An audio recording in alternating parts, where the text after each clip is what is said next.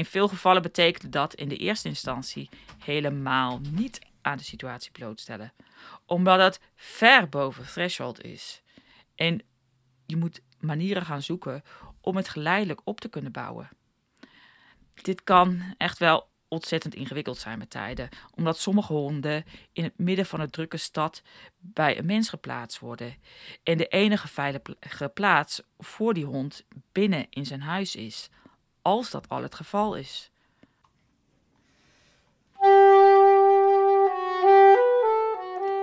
Welkom bij de podcast Honden met een Hobby. Ik ben Suzanne Reebagen, gedragstherapeut voor honden en mijn missie is dat jij en je hond maximaal kunnen genieten van jullie bijzondere relatie. Ik geef je in deze podcast een kijkje in de wereld van de hond, hondentraining en van gedragstherapie. Aan de hand van nieuwe wetenschappelijke inzichten en voorbeelden uit de praktijk ontrafel ik hondengedrag en doorprik ik oude dogma's en mythes.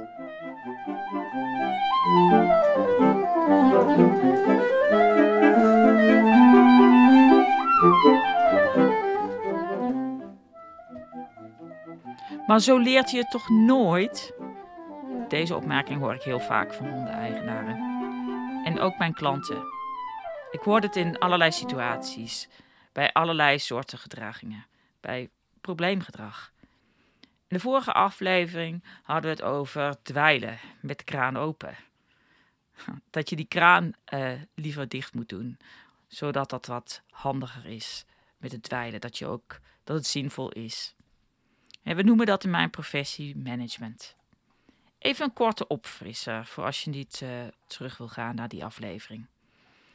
Het gaat erom dat je, als de hond dingen van tafel steelt, je moet voorkomen dat het gedrag zich blijft herhalen, terwijl je die, je hond ander gedrag aanleert. Of hè, je hond heeft nog niet geleerd wat geschikt kauwmateriaal is, dan zal je moeten voorkomen dat hij iets te pakken krijgt wat niet daarvoor bedoeld is. Of stel dat je hond aan het leren bent om hier te komen. Dan is het zinloos dat te oefenen als je hond tegelijk leert dat de beloning in het open veld ligt. Bijvoorbeeld je jachthond die achter het konijn of aan achter de vogel aangaat en dan roepen dat hij moet komen. In de hoop dat hij dan ook daadwerkelijk terugkomt. ja, ik weet nog, een tijdje geleden ook. Uh, ik hoorde ergens in de verte een fluitje, zo'n jachtfluitje, fanatiek afgaan. Aantal keer en uh, dwars voor me over het pad heen was er een of ander, ik weet niet, een of ander Duitse staander of iets die voorbijgesneld kwam. Um, kennelijk had hij ergens een uh, haas geroken of gezien. En uh, nou ja, hij kwam niet meer terug. nou ja, dat is dus ook dweilen met de kraan open. Of eigenlijk is dat dweilen op de bodem van een zwembad, als je het mij vraagt. En als je denkt, ik heb geen jachthond. Wat dacht je van de hond die volledig opgaat in spel met een andere hond? En dat je de hond dan bij je probeert te roepen op dat moment. Als het roepen al binnenkomt bij je hond, leert hij jou roepen te negeren. Je zal in veel gevallen een stukje management moeten toepassen als je gedragsverandering teweeg wil brengen. In het geval van de jachthond zou je bijvoorbeeld met een lange lijn kunnen gaan werken, terwijl je bijvoorbeeld met de spelende honden het juiste moment moet bedenken wanneer je de hond roept. En misschien moet je hem wel helemaal niet roepen, terwijl je hond nog deze vaardigheid aan het leren is. Je bent er natuurlijk ook nog niet als je alleen maar management inzet. Je zal je hond het ook in kleine stapjes uit moeten leggen wat je van hem wil. En dan niet gelijk op universitair niveau, maar je zal op uh, kleuterschool, peuter, uh, speelzaalniveau moeten starten. Want universitair niveau is typisch dat je je hond terugroept terwijl die heerlijk aan het spelen is met zijn speelmaatje. Super moeilijk is dat. Maar voordat ik een hele les uh, hier komen ga trainen, uh, ga maken, wil ik terugkomen op waar we het in deze deel van dweilen, draai die kraan dicht, gaan over hebben. Ik wil het deze keer hebben over het ongewenste gedrag waar niet zozeer een leerervaring achter zit, maar wel een andere reden, zoals een emotie. Ik werk vaak met klanten die angstige honden hebben. En deze angst kan zich op allerlei manieren uiten. Mijn hulp wordt dan ook vaak ingeroepen op het moment dat het gedrag zich lijkt te verslechteren. Eigenlijk is dat best jammer dat het vaak zo lang duurt. Maar ik snap ook wel dat mensen het eerst zelf willen proberen. Helaas wordt het gedrag vaak alleen maar erger, hardnekkiger en verlies je kostbare tijd. Meeste mensen herkennen de grote angstgedragingen van hun hond wel, namelijk trillen en vluchten. Kleinere gedragingen worden vaak over het hoofd gezien. Bezorgde blik van je hond, het tongelen, hijgen, gapen, pootje heffen, om er maar een paar te noemen. Het vluchten is voor veel mensen vaak ook last van hebben. En het maakt uiteindelijk dat hondeneigenaren ook hulp inroepen. Het vluchten manifesteert zich dan ook in het trekken aan de lijn. Als je gaat zoeken op internet kom je ook allerlei tips en adviezen tegen om het trekken aan de lijn te stoppen. Er zitten ook vaak hele goede manieren tussen om het aan de slappe lijn lopen aan te leren. Maar helaas zitten er ook hardnekkige misvattingen tussen, die soms uh, door zogenaamde deskundigen verkondigd worden. Dat is wel heel jammer en het maakt het bijzonder moeilijk voor jou als uh, zorgende mens, voor je hond, door de bomen het bos te zien, het kaf van het koren te schrijven, uh, uh, scheiden, om een weg hierin te vinden. Nou, klein uitstapje, maar kort de bocht gezegd, als iemand de reden voor um, het trekken aan de lijn van je hond als dominant bestempelt, de baas willen zijn, de leiding willen nemen, dan kan ik bijna wel met 100% zekerheid zeggen: klik maar door naar de volgende website of deskundige. Methodes die onder het motto van deze verklaringen het gedrag uh, wil veranderen, werkt meestal op de basis van intimidatie, dwang, pijn en angst. Ik weet niet van jou, maar zo wil ik in ieder geval niet met man's best friend omgaan. Mijn hond is mijn maatje en ik heb de zorg voor haar gekregen. En dat neem ik op met veel liefde en empathie voor de hond. Simon Quatpois die zei ooit uh, heel mooi tijdens een nascholing, en ik parafraseer het een beetje, maar het ging iets in de lijn van Let the relationship you want with your dog dictate how you train your dog. Oftewel, laat de relatie wat je met je hond wil voorschrijven hoe je met je hond omgaat. Maar goed, ook veel goede adviezen wat je zo op het internet vindt. Zo voor het uh, je hond, do door dit bijvoorbeeld door te lopen. Als je hond trekt, kunnen averechts werken. Als de onderliggende reden, de motivatie voor het trekken bijvoorbeeld angst is. Als de onderliggende emotie angst is, is je hond eigenlijk aan het vluchten. Hij wil weg uit de situatie. Weg van de prikkel die hem angst aanjaagt. En dit kan natuurlijk erg vervelend zijn als dit iedere wandeling weer aan de orde is en het ook niet beter wordt. Veel mensen kiezen dan ook voor de tactiek om te blijven staan, om stil te blijven staan. Je zou zelfs kunnen denken: ik manage toch? De hond kan het ongewenste gedrag, het vluchten, niet uitvoeren. Maar dit is niet het niveau waarop je moet managen. Het is ook wel een begrijpelijke gedachte van dat je wil hebben dat de hond gaat wennen aan de situatie of de omgeving. De ge gedachte erachter is ook niet heel raar, omdat iets, omdat er iets bestaat zoals habituatie. En habituatie is eigenlijk alleen maar een chic woord voor wennen. Goed gesocialiseerde honden zonder rugzakje kunnen bijvoorbeeld de eerste keer ergens van schrikken. Bijvoorbeeld een trein die langskomt. Als de schrik niet groot is en de hond ook geen ernstig rugzakje heeft, kan de hond door herhaling habitueren op het geluid van de trein. Maar heb je een hond die al wat angstig is, om welke reden dan ook, dan kan er ook wat anders gebeuren. De hond kan gaan sensitiseren, oftewel gevoeliger worden. Met gevolg dat de situatie en de omgeving steeds beangstigender wordt. En dit kan zich vervolgens gaan generaliseren. Je bent nog verder van huis met het oplossen van het probleem op deze manier.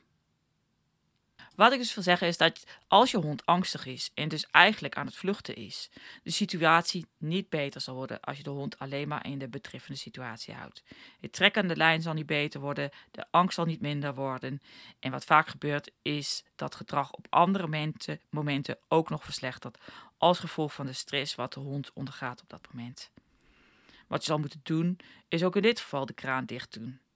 Je, hond zal moeten, je zal de hond moeten gaan helpen om hiermee om te gaan, door ze geleidelijk bloot te stellen aan de situatie. Maar dat moet zo geleidelijk opgebouwd worden, zodat de hond onder threshold blijft. In veel gevallen betekent dat in de eerste instantie helemaal niet aan de situatie blootstellen, omdat het ver boven threshold is. En je moet manieren gaan zoeken om het geleidelijk op te kunnen bouwen. Dit kan echt wel ontzettend ingewikkeld zijn met tijden, omdat sommige honden in het midden van een drukke stad bij een mens geplaatst worden en de enige veilige plaats voor die hond binnen in zijn huis is, als dat al het geval is. Sommige honden kunnen ook in een huis onveilig voelen, maar dan heb ik het over de wat zwaardere gevallen. Je moet je eigenlijk erbij voorstellen dat de hond altijd het gevoel heeft in een oorlogsgebied te leven het is ook om deze reden zo belangrijk dat er zorgvuldig moet worden nagedacht waar een hond geplaatst wordt. Met veel goede bedoelingen worden honden gered uit hele nare omstandigheden, maar vervolgens belanden ze in een oorlogsgebied. In ieder geval vanuit hun optiek gezien. Maar zolang je hond, je, je hond dus ondervraagt, door hem in zo'n moeilijke situatie te brengen, zou ook heel veel stresshormonen vrijkomen. Cortisol. Nou, cortisol is niet alleen negatief. Je hebt het ook nodig om bijvoorbeeld op te staan in de ochtend.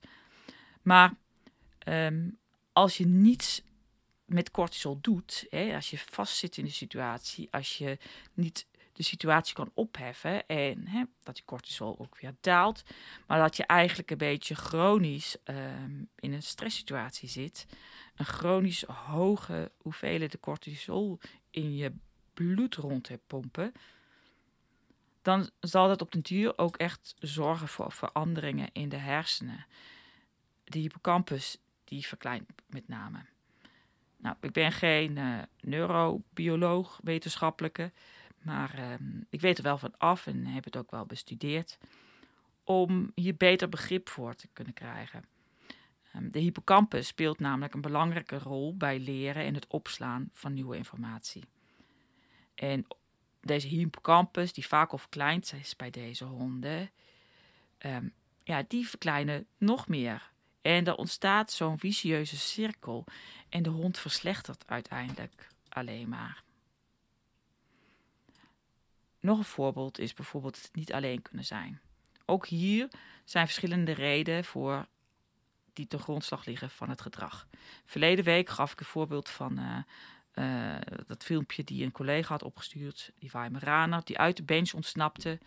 En uh, ja, die eigenaar die poogde wel de situatie te managen, maar het was weinig effectief. Want die hond die, die ehm, ontsnapte dus om vervolgens keukenkastjes te plunderen. Um, was uh, wonderlijk om te zien. Maar dit was het typisch gevalletje verveling. En toen de eigenaar met de hond ging werken, verdween het gedrag als sneeuw voor de zon. Maar als je bijvoorbeeld niet alleen kan zijn, omdat je verlatingsangst hebt, dus angst de onderliggende emotie is, dan betekent dat dus ook letterlijk dat je de hond niet alleen thuis kunt laten terwijl je aan het probleem werkt. Je zal tijdens het werken aan het probleem moeten managen. Door je agenda anders in te richten, oppas te regelen voor je hond, hem overal mee te nemen als dat kan. Conclusie. Wat ik eigenlijk wil zeggen is: het is belangrijk om één om te weten waarom gedrag zich voordoet, maar twee is het super belangrijk te managen, de kraan dicht te doen terwijl je aan het probleem werkt. 3. Je werkt aan het probleem. In het ene geval zal het zijn het aanleren van ander gedrag. In een ander geval betekent het dat je aan de angst zal moeten gaan werken. In een weer een ander geval dat je hond een uitlaat klep moet geven voor zijn genetisch gedreven gedrag. Met alleen management ben je er niet, maar zonder management ben je ook nergens en zal je geen vordering maken. Nou, ik denk, het is wel duidelijk um, dat het soms best wel moeilijk kan zijn om goed uit te pluizen wat er aan de hand is uh, met je hond. Waarom hij dingen doet wat hij doet en hoe om daarmee aan de slag te gaan. Dus um, heb je problemen, kom je er niet uit, uh, laat het me weten, uh, kom in contact of bij een van mijn collega's. zoek iemand die jou goed kan helpen. Um, wat dus heel erg kan helpen is iemand te zoeken via de NVGH. En dat is een beroepsvereniging. En uh, daar wordt in ieder geval uh, gekeken dat iedereen nog regelmatig nascholt. Zodat we niet allerlei ouderwetse dingen doen die minder effectief zijn. En vaak ook niet even eerlijk zijn naar de hond. Nou, uh, super dat je weer geluisterd hebt. Um, fijn dat je zo investeert in je hond. En um, heb je vragen over deze uitzending, dan um, wil ik je attenderen op uh, mijn nieuwe website. Daar kan je een berichtje inspreken, die ik misschien uh, even kan beluisteren of laten terugkomen binnen de uitzending. Een vraag, een opmerking. Want ik spreek nou wel hier dit, uh, iedere nu en dan een podcast in, maar ik heb dus eigenlijk geen idee wat jullie hiervan vinden. En uh, of je er wat aan hebt.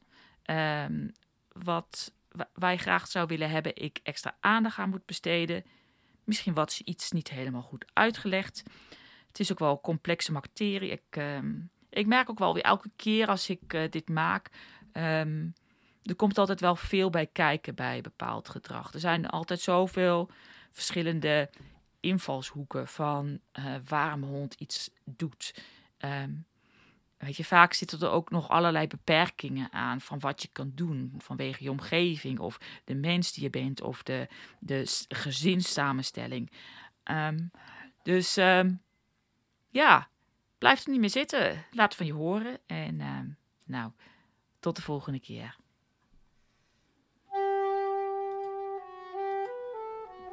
Super leuk dat je geluisterd hebt vandaag. Dankjewel voor je aandacht. Maar voordat je verder gaat, nog even het volgende. Vond je dit een interessante aflevering en wil je op de hoogte blijven van alle nieuwe afleveringen? Subscribe, abonneer of volg me dan door de subscribe, abonneer of volg knopje aan te klikken in je podcast app. Vind je deze podcast waardevol en wil je me helpen in mijn missie? Zeg het dan voort door bijvoorbeeld een screenshot te maken en door te sturen of op je social media pagina te delen. Vergeet me dan niet ook even te taggen. Op Facebook ben ik het beste te vinden. Daarnaast kan je deze podcast meer onder de aandacht brengen door te abonneren en me een 5 sterretjes review te geven in je favoriete podcast app of op iTunes. Heb je anders vragen die je graag besproken wilt hebben of een opmerking naar aanleiding van de aflevering? Laat het me weten op podcast@hondenmetenhobby.nl. Ik lees ze allemaal. Wie weet hoor jij jouw opmerking of vraag terug in een uitzending. Dan als laatste, maar heel belangrijk. Kom je er niet uit met je hond, heb je problemen, blijf dan niet langer aanmodderen in je eentje en stuur me dan een e-mail naar waf.honden.nl Rest me te zeggen, geniet van je hond en jullie unieke relatie. En maak er een mooie dag van voor jou en je hond. Doei!